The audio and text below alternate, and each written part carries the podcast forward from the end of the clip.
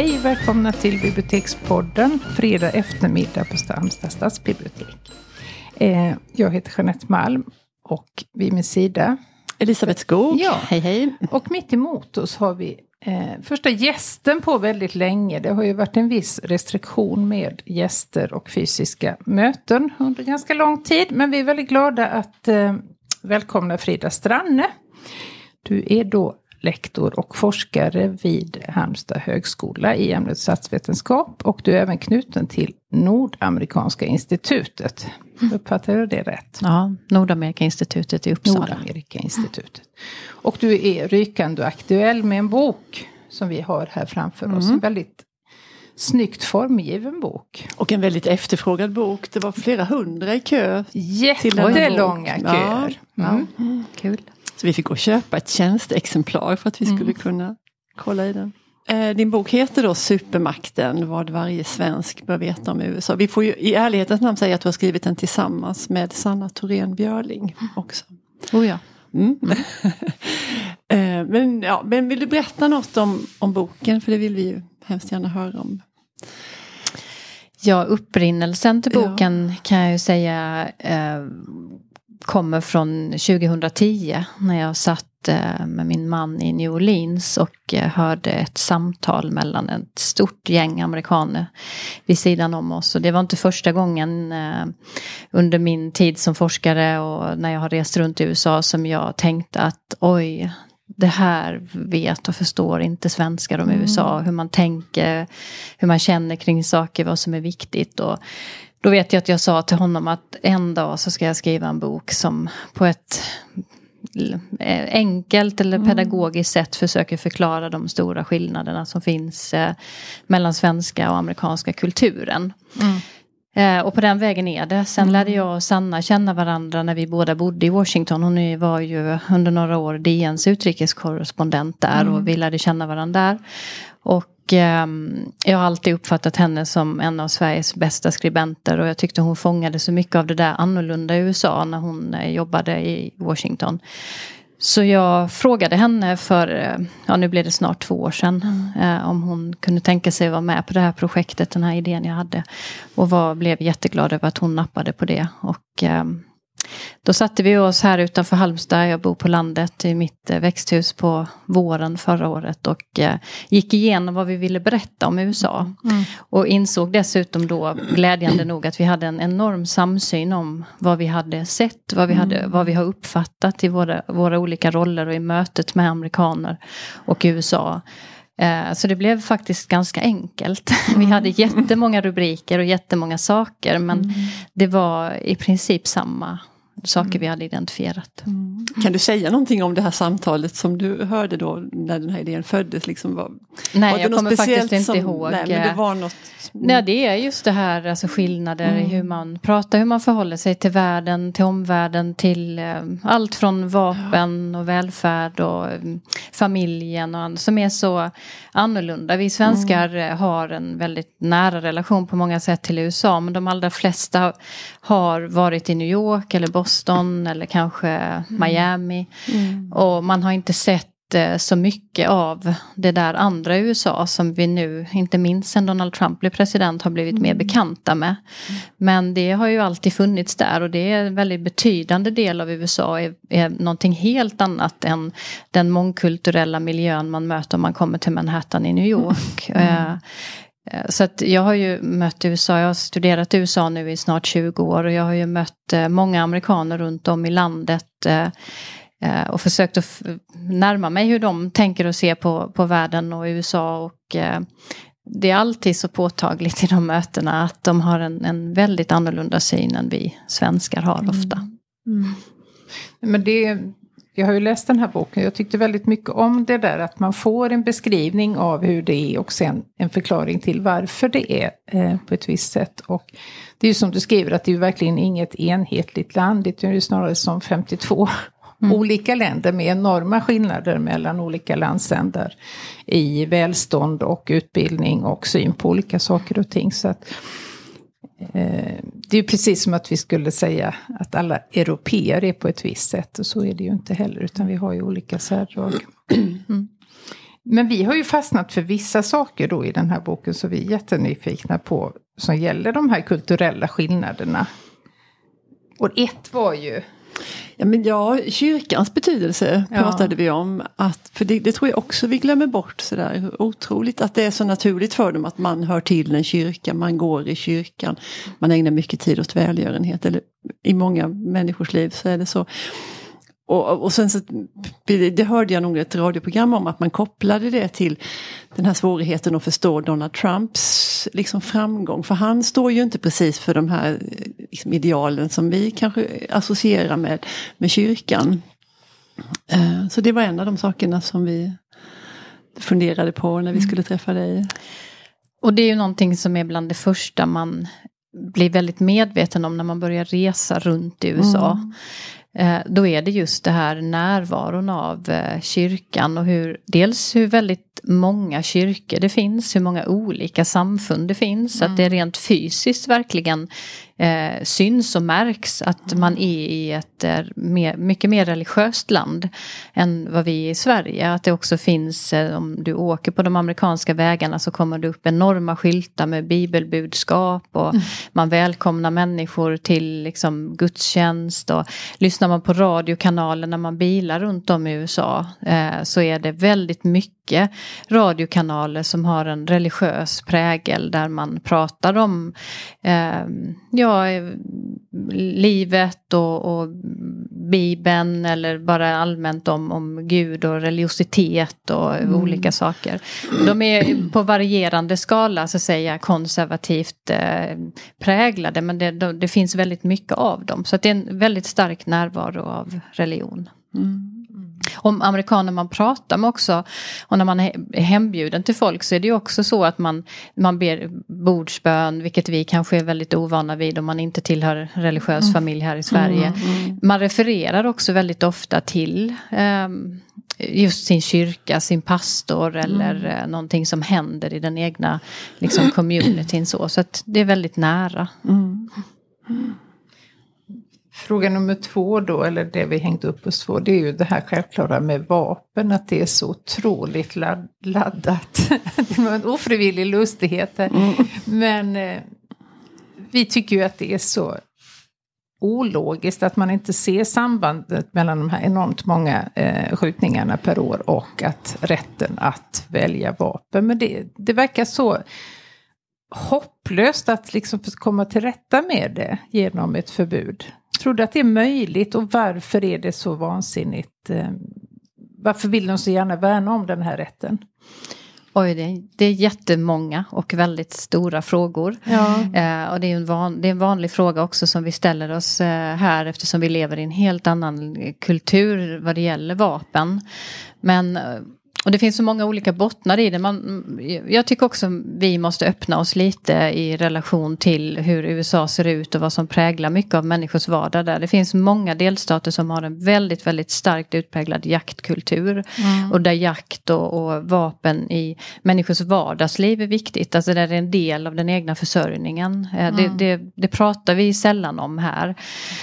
Um, vilket också gör att vapen har en ren praktisk betydelse för många.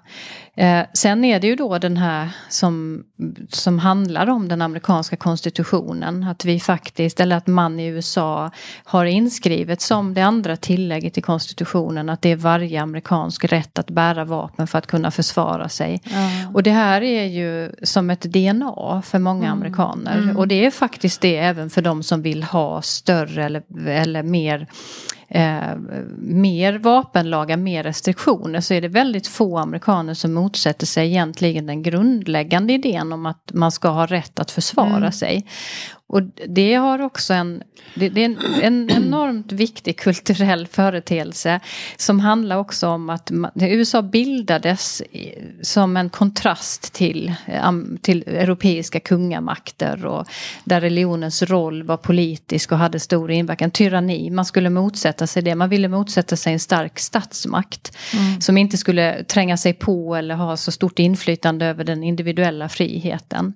Och det här det, det, det i det liksom kontraktet med staten som ändå bildades, den federala makten, så fanns detta som en absolut, ett absolut krav att man också skulle ha möjlighet att skydda sig mot en statsmakt som tog sig för stora rättigheter. Mm. Och det är också det vi ser i de protesterna nu när man ser att mycket beväpnade människor går in i, i delstatskongresser och annat nu när man, mm. när man i coronatider har vi sett det. Vilket sätter igång någon form av liksom, magkänsla i många att det här, nu börjar staten ta sig för mycket friheter och vi vill skydda mm. oss mot det. Mm, mm, och det kommer sig ur detta. Och sen är det klart att vi ser ju ofta de här mer som vi skulle kunna kalla fanatiska vapenivrarna och försvararna. Eh, men det är ju ett spektra av mm. olika uppfattningar här om hur ska vapenlagarna se ut i relation till den frihetliga eh, symbol som man ser detta mm. vara. Och det här är en sån sak som jag tycker att det är viktigt att man faktiskt liksom kan resonera om. Eh, mm. sen är det ju precis som, som du säger det är förfärande statistik över vad vapnen kostar i människoliv mm. och hur mycket människor som faktiskt eh, dör av vapenvåld. Mm. Och inte minst självmord. Och det vet vi ju forskningsmässigt att tillgången och närheten till vapen eh, gör så att säga möjligheten för människor att ta sitt eget liv. Och det är ju, det är ju många, stor andel av de som dör av vapenvåld som, som faktiskt eh, skjuter sig själva. Mm. Och vi har också mycket olyckor i amerikanska hem till exempel mm. där barn faktiskt skjuter mm. sina syskon mm. eller eh, mm. föräldrar och så. I ren olycka. Mm. Och sen har vi då massskjutningarna och annat som ju är också förfärliga givetvis. Men det här är ett ständigt dilemma och där har vi också samtidigt. Jag ska inte väva ut det för mycket men det är det jag menar med att det är så mångbottnat detta. Sen har vi då en väldigt, väldigt stark vapenlobby mm. som donerar oerhört stora summor pengar till amerikanska politiker i kongressen och som mm. ju då har haft ett, ett oproportionerligt stort inflytande. Mm. Eh, och också omöjliggör för många politiker att fatta beslut som, som reglerar vapen eh, på ett mer Man vågar liksom, tydligt inte det sätt. För... Ja, um, men och det, vi, vi, har över överskådlig framtid så kommer vi förmodligen inte att se några större förändringar heller trots Nej. de här återkommande skjutningarna. Men sen skulle jag också vilja säga då ändå att det finns ju mycket vapenregler, de ser olika ut i olika mm. delstater. Mm. Ibland får vi uppfattningen att det inte finns något. Mm. Men det stora problemet är ju kanske den här eh, enorma tillgången på vapen som finns. Mm. Och jag har besökt många vapenaffärer och pratat med, mm. med människor om detta. Just, just hur man ser på den här, alltså de som försvarar eh, den nästan oreglerade vapenhandeln eh, till privatpersoner och annat. De menar ju då att det inte det är inte vapnen som dödar, det är människan ja. som dödar. Det är ju mm. deras argument. Så att säga. Ja, precis. Mm. Men varje gång det sker någon sån här mm. extra eh, liksom, uppmärksammad skjutning så kommer ju debatten upp och så tänker man, nej men nu, nu kommer det att leda till någonting. Men det gör ju aldrig det. Så det... Nej, och jag ser inte det framför mig. Alltså, vi kommer att se en och annan lagförändring på marginalen. Och det, mm. Man diskuterar ju den här frågan nu också då väldigt mycket i det här valet. Men, men ehm, det såg vi ju under Obamas tid som ju, där det hände några förfärande skjutningar. Mm. Bland annat barn i, som dog i, på, ett, eh, eh, på en förskola eh, mm. eller skola. Och ehm, det, det, blev ju konkret inte några större förändringar. Mm. Vi måste ju prata om valet som är ganska nära förestående. Vi ska säga det också att när vi spelar in det här så är vi fortfarande före valet. Ja. Så vi mm. vet inte. Och det är den 3 november, visst är det så? Mm. Alltid på en tisdag. Det är ja. alltid första tisdagen i november. Första tisdagen. Så är det. Mm. Eh, nej, men vi tänker oss, eh, vi vill ha dina åsikter om olika tänkbara scenarier. Eh, om Trump vinner, vad händer då? Om Biden vinner, vad händer då? Kommer, liksom vilket blir, kommer det att bli lika dramatiskt oavsett vilken kandidat som segrar? Mm. Eh, som forskare pratar man ju ogärna eh, liksom, eh, spekulativt om Nej. tänkbara saker som mm. händer. Jag, jag, skulle nog ehm, för att ehm, eh, delvis svara på frågan. Mm. vill jag säga att USA har en enormt många och tunga problem att hantera nu. Och vi har sett dem väldigt tydligt i år. Eh, vi har sett sårbarheten i det amerikanska sjukvårdssystemet och vi har mm. sett också hur den i sig är en väldigt stark förklaring till att afroamerikaner nu reagerar så väldigt kraftfullt mot de olika skjutningarna och polisvåld som han har varit. Mm. Därför att mm.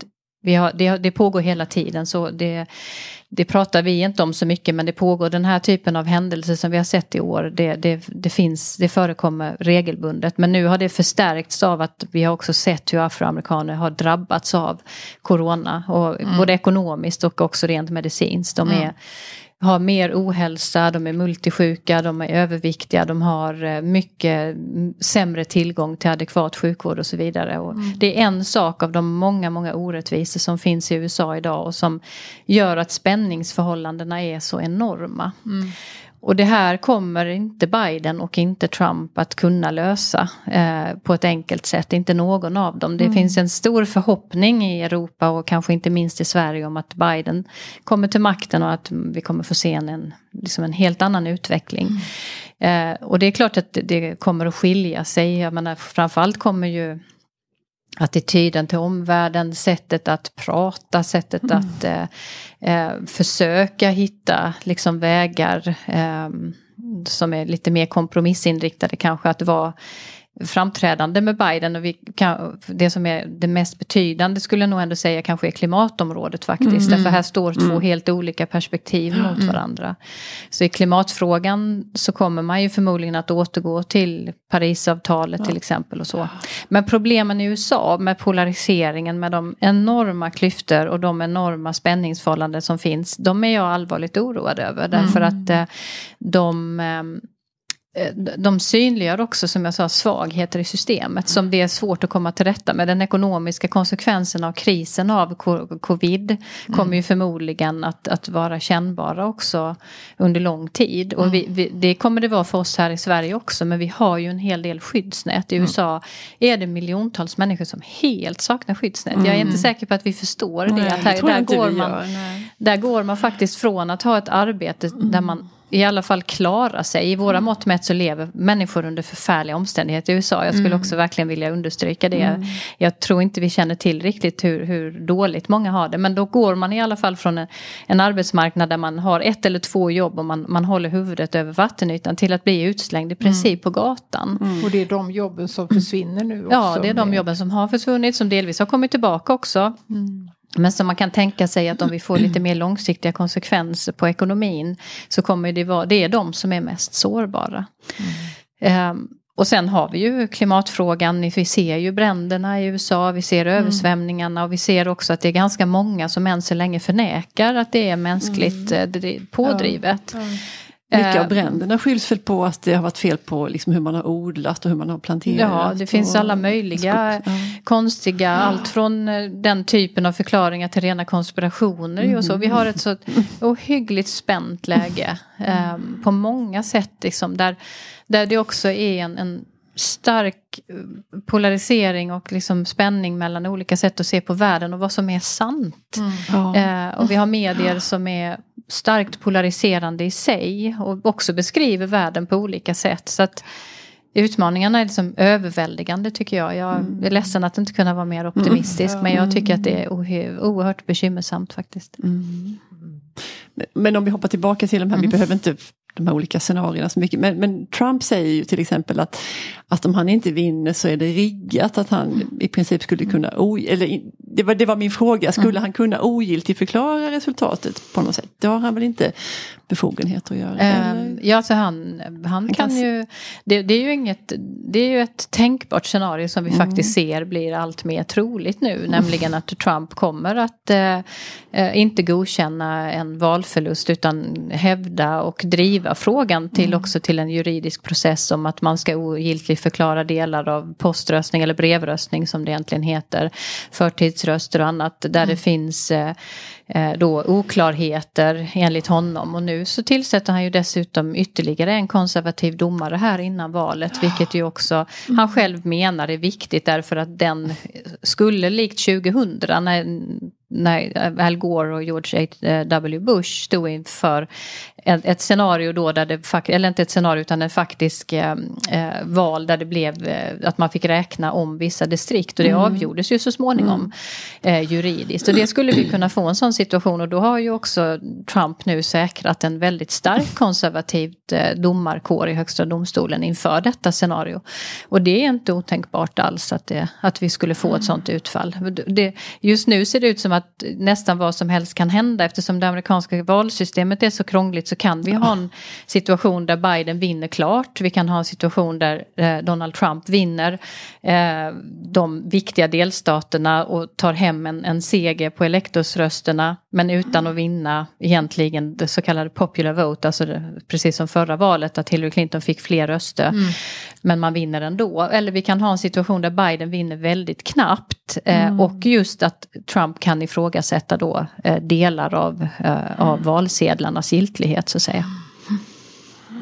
Vilken mm. rysare. Mm. Det är ett väldigt eh, intressant val av många, många anledningar. Men du kommer att befinna dig där då? Nej, jag skulle varit i Michigan och eh, Wisconsin nu men eh, har inte velat åka. Jag nej. har mig veterligen inte haft covid och vill inte nej, riskera nej. någonting med det. Men du kommer sitta uppe hela natten? Jag kommer ju bevaka valet för både Expressen och TV4 mm. så att mm. jag är ju är faktiskt i Stockholm från nästa vecka och ända fram till eh, november. Mm.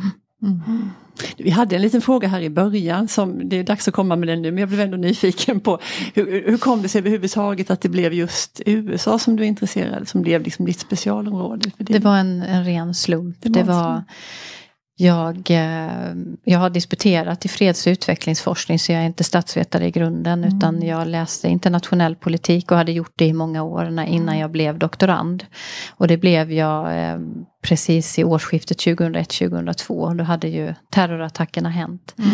Och oh. eh, när jag skulle välja inriktning på mitt avhandlingsarbete så var det helt enkelt så att jag eh, hade följt Bush-administrationen under 2002 eh, och upptrappningen till Irakinvasionen. Mm. Och ställt mig frågan då helt enkelt hur man kunde, för att alla vi som hade läst någonting om Mellanöstern och om internationell politik visste att inte Irak hade med terrorattackerna att göra. Ja. Och jag blev oerhört intresserad av att förstå hur man kunde övertyga en hel värld eh, om eh, att ge sig själv rätten att invadera ett land mm. som inte hade med mm. saken att göra. Mm. Mm. Då fick vi med det också, men bra. Mm. Eh, vi läste på lite om dig innan vi, när vi hade bestämt att du skulle komma och du hade tackat ja. Så fastnade vi för en liten ruta där det stod så här att du odlar höns och när en dröm om att någon gång kunna skriva skönlitterärt. och det blev vi jättenyfikna på såklart i bibliotekspodden.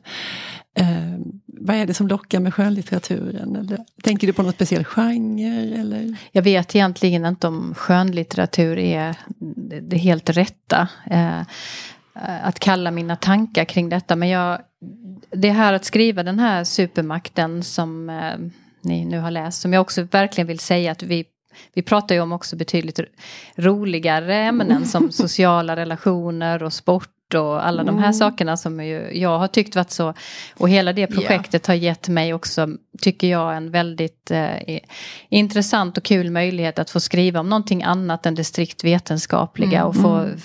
liksom också väva ut texten lite och få mm. vara lite personlig och yeah. fundera lite friare kring vad saker betyder och så, även om vi givetvis baserar det på kunskap om USA.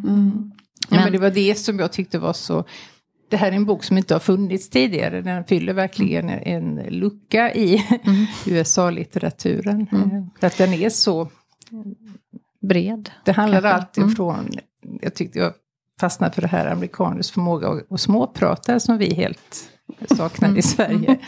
Eh, att man alltid blir tilltalad, man säger alltid någonting, står i hissen och vilka snygga skor du mm. har. Alltså att det är ett, ett väldigt starkt kitt som man kan sakna Ja, och det, det, det, har jag ju tyckt varit så liksom, härligt att få skriva om. Och mm. inte, eh, jag studerar ju de svåra, tunga frågorna mm. själv och har också ett eh, liksom, vetenskapligt kritiskt perspektiv på mitt studieobjekt. Men mm. det, här, det finns ju också många saker som man lär sig att liksom uppskatta och se och, mm. och som jag också saknar eh, av USA här. Och det, har mm. varit, det, det, har bekräftat också skulle jag säga med tanke på din fråga om att skriva mer. Att jag, mm. jag har tyckt att det har varit det roligaste jag har gjort någonsin mm. och det har bara skapat eh, mer lust. Och jag, jag har ett nästan annat färdigt bokmanus som, jag, som är en helt annan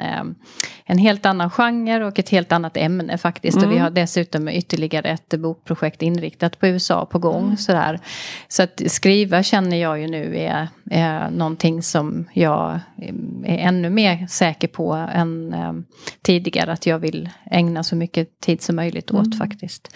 Och inte då bara det vetenskapliga utan det andra. Sen är det ju någonting som man, som man mognar med och som växer fram. Men, men att få skriva och få skriva lite friare mm. har har jag verkligen, verkligen tyckt varit mm. fantastiskt mm. kul. Jag hoppas att jag kan fortsätta göra det i olika former då. Det skönlitterära ligger väl kanske allra längst bort då i detta. Mm. Det är väl mer samhällsnära och eh, frågor som engagerar mig mm. som man mm. kan skriva om i olika mm. former. Och då är det verkligen inte bara USA utan då Nej. brinner jag för jämställdhetsfrågor och för eh, andra saker också. Mm. Vi har en avslutande fråga som vi av gammal hävd använder här i Bibliotekspodden. Det är att vi gärna vill skicka med ett lästips, ett boktips. Och då tänkte vi faktiskt att vi skulle avgränsa oss lite grann. Att det skulle vara en skönlitterär bok, en roman som är antingen skriven av en amerikansk författare eller som utspelar sig i USA. Och då får du gärna börja Frida. Ja, det är ju alltid svårt att få en, en um, en chans på sig, eller på sig. Men jag, ja, men jag vi är håller, inte så himla noga med... Jag håller på och läser nu och tycker att den är fantastisk. Och det är kanske också då med bakgrund i att jag har ägnat så mycket tid åt att resa runt i USA och i de fattiga delarna av USA. Och försökt att närma mig människor som lever eh, inte bara väldigt annorlunda kulturellt och ideologiskt utan också faktiskt eh, med en, en jättesvår vardag att mm. eh, hantera. Och då har jag, läser jag just nu Ocean Wongs En stund är vi vackra på jorden som jag tycker verkligen beskriver de här tuffa sidorna av mm. USA på ett vackert och smärtsamt mm. sätt. Mm. Håller med. Mm. Du då Jeanette? Ja, alltså det är så mycket Svårt. man skulle vilja ha med. Och jag har tänkt att den måste jag ta och den måste jag ha. Men nu har jag i alla fall mm. bestämt mig att jag ska eh, lyfta fram en av Joyce Carol Oates otaliga romaner. Hon är väldigt ojämn i sitt romanskrivande. Men en bok som kom ut för ganska många år sedan heter Det var vi som var Malvanis. Och den utspelar sig i, en, inte i storstaden utan i ett ganska litet samhälle med stark kyrklig anknytning.